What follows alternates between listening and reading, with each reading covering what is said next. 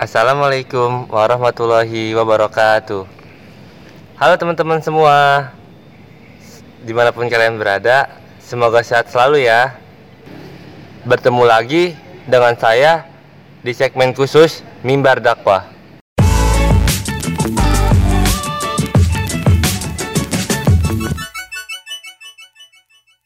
Perkenalkan Nama saya Muhammad Khairul Tamam Yang akan menemani Anda semua Di beberapa menit ke depan Oh iya di sini saya nggak sendirian nih di sini saya ditemani oleh narasumber yang pastinya keren banget dan juga cantik loh, yaitu Kak Indah Linawati. Beliau juga sempat ngejabat sih di HMP KPI di bagian bidang dakwah. Halo Kak Indah, gimana nih kabarnya?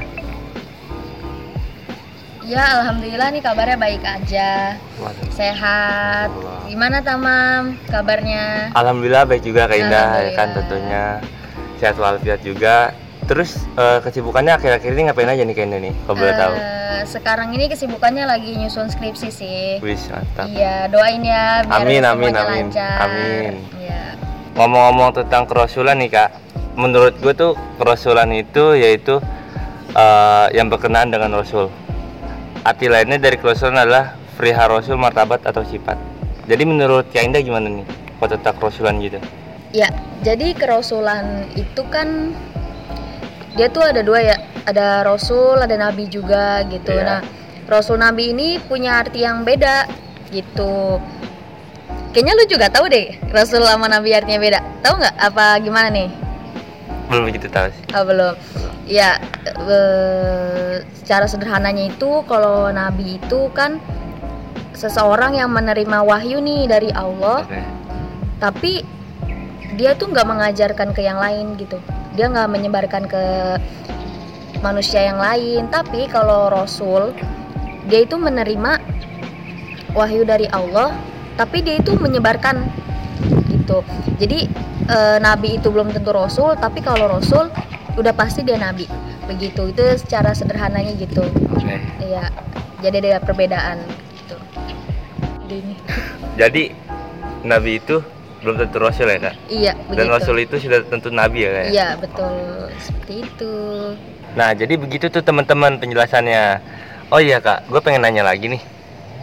Di dalam Al-Quran kan ditegaskan ada rasul-rasul Allah yang termasuk Rasulullah Ajmi coba deh kak jelasin apa, sih yang dimaksud dengan Rasulullah Ajmi dan apa perbedaan dengan rasul yang lainnya uh, jadi Rasul Ulu Azmi itu kita artiin dulu ya jadi ulu itu artinya memiliki dan azmi itu artinya dia mempunyai keteguhan atau kesabaran gitu. Jadi bisa disimpulin kalau Rasul ulu azmi itu adalah seseorang yang memiliki kemampuan gitu dan kesabaran yang di batas rata-rata. Maksud gue di batas rata-rata ini eh, kesabarannya itu dan ketangguhannya itu benar-benar besar gitu. Okay yang menurut gue tuh nggak bisa dimilikin sama manusia biasa kayak kita gitu iya walaupun Rasul juga manusia biasa ya. tapi beliau-beliau itu tuh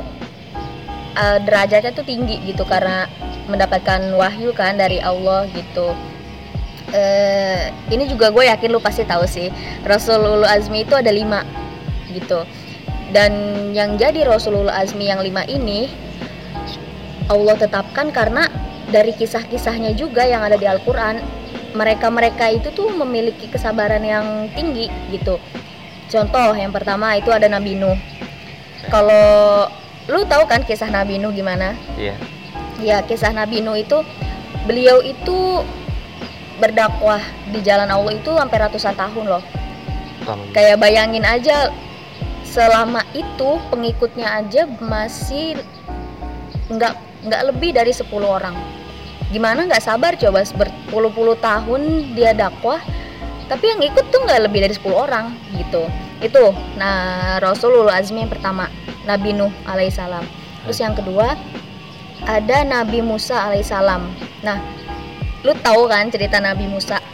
Yang dari kecil itu dibuang sama ibunya karena pada zaman dahulu itu Raja Fir'aun yang mimpin itu tuh mau anak laki-laki tuh dibunuh Iya. gitu.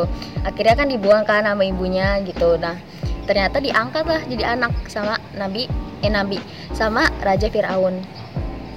Diletak sabarnya di mana? Yaitu pas sudah gede Nabi Musa tuh diutus buat menyebarkan agama Allah tapi ternyata bapaknya sendiri yang raja Firaun itu kan menentang Allah Hmm. gitu itu kisah Nabi Musa yang ketiga ada Nabi Isa nah Nabi Isa ini juga sih apalagi itu tahu kan Nabi Isa Tahu. gimana Tahu. ceritanya makanya beliau itu benar-benar termasuk Rasulullah Azmi karena diberi kesabaran terus juga tantangan dakwahnya itu lebih berat gitu sekarang yang keempat itu ada Nabi Ibrahim alaihissalam Nabi Ibrahim juga termasuk ulu azmi karena tantangan dakwah beliau tuh besar banget.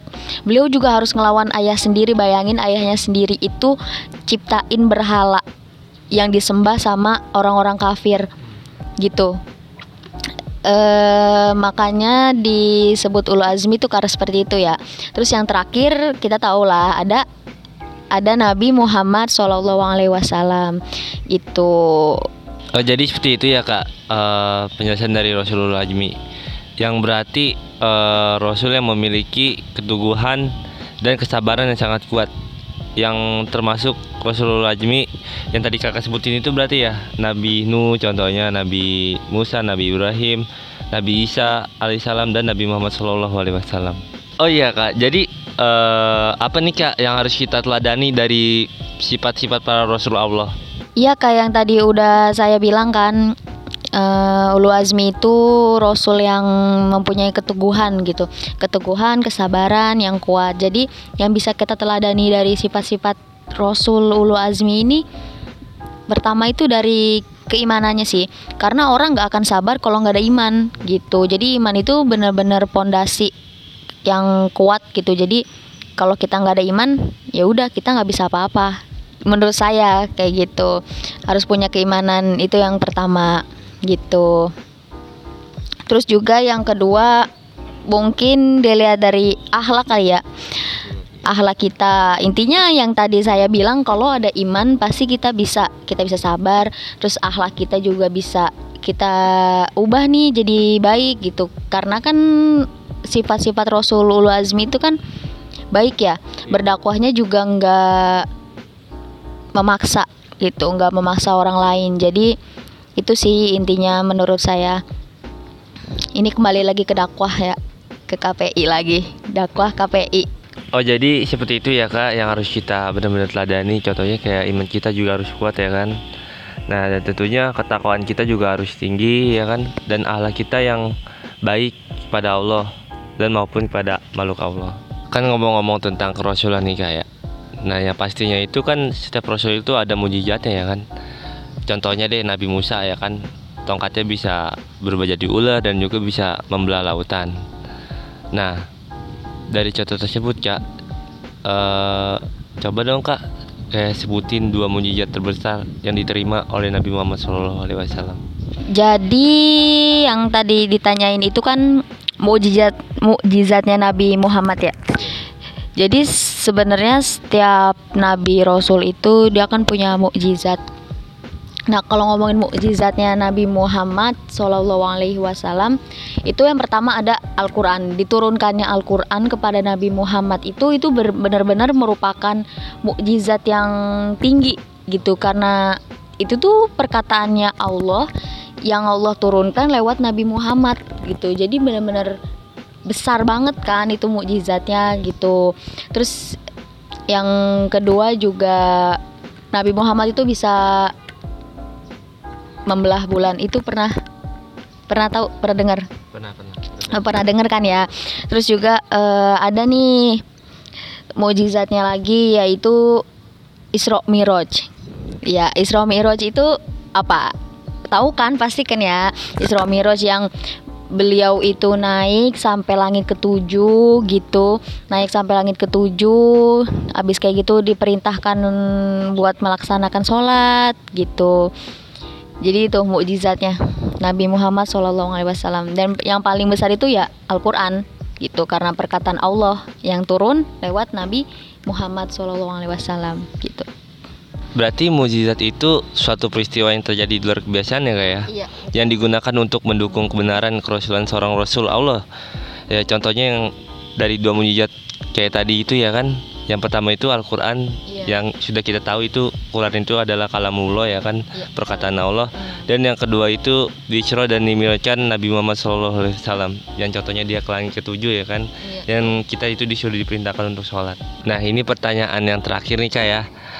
Eh, kayak coba dong kak jelasin fungsi keimanan kepada Rasul-Rasul Allah gitu. Jadi ini pertanyaan terakhir ya. Iya. Iya, kita ngomongin keimanan nih, keimanan kepada Rasul. Itu kan ada di rukun iman ya. Eh, rukun iman yang keempat, yaitu percaya kepada Rasul-Rasul Allah gitu. Jadi kalau kita nggak percaya kepada Rasul, gimana kita mau beriman kepada Allah gitu kan? Karena Rasul itu kan yang tadi udah dibilang nih suri tauladan gitu. Yang pastinya Rasul itu merupakan utusan Allah yang membawa kebaikan gitu, membawa kebaikan. Pastinya kalau yang membawa kebaikan itu bakalan membawa kebaikan dunia akhirat juga buat kita gitu. Itu sih fungsinya gitu. Jadi kalau kita nggak mengimani Rasul, gimana kita mau percaya sama Allah gitu? Kalau utusan Allah aja itu nggak kita percaya gitu. Nah, jadi begitu tuh teman-teman penjelasannya ya kan. Jadi gimana kita mau beriman kalau kita itu nggak percaya adanya Rasul. Jadi kita harus percaya adanya Rasul Allah ya kan. Yang dari iman keempat itu yang dijelaskan yaitu kita harus eh, mempercayai adanya Rasul-Rasul Allah. Selain itu kita juga boleh nih mengikuti eh, contoh-contoh dari nabi-nabi yang lainnya, contoh dari sabar lah ya kan? Kayak kita tuh harus bener-bener sabar dalam sesuatu hal apa pun ya kan? Percaya aja yakin gitu ya kan? Suatu saat nanti juga di balik kesabaran yang kita udah jalanin akan berbuah hasil yang bagus. Oke teman-teman mungkin dari segmen mimbar dakwah kali ini cukup sampai di sini aja ya. Jadi kesimpulannya itu kita harus banyak-banyak mengimani Rasulullah ya kan jangan lupa juga nih kita harus mengikuti contoh-contoh dari eh, Nabi dan Rasulnya Allah dan cerita teladannya. Saya Muhammad Khairul Tamam dan Kak Indah Linawati izin pamit undur diri. Oh iya teman-teman, jangan lupa ya ditunggu episode-episode dari segmen Mimbar Dakwah yang akan datang. Saya Muhammad Khairul Tamam dan Kak Indah Linawati izin pamit undur diri. Untuk teman-teman, jangan lupa ya ditunggu episode-episode lainnya dari Mimbar Dakwah yang akan datang. Saya Muhammad Khairul Tamam Mohon maaf apabila ada kesalahan, apabila ada kekurangan karena kesempurnaan itu datangnya dari Allah Subhanahu wa taala dan kekurangan itu datangnya dari saya pribadi. Wabillahi taufiq wal hidayah. Wassalamualaikum warahmatullahi wabarakatuh.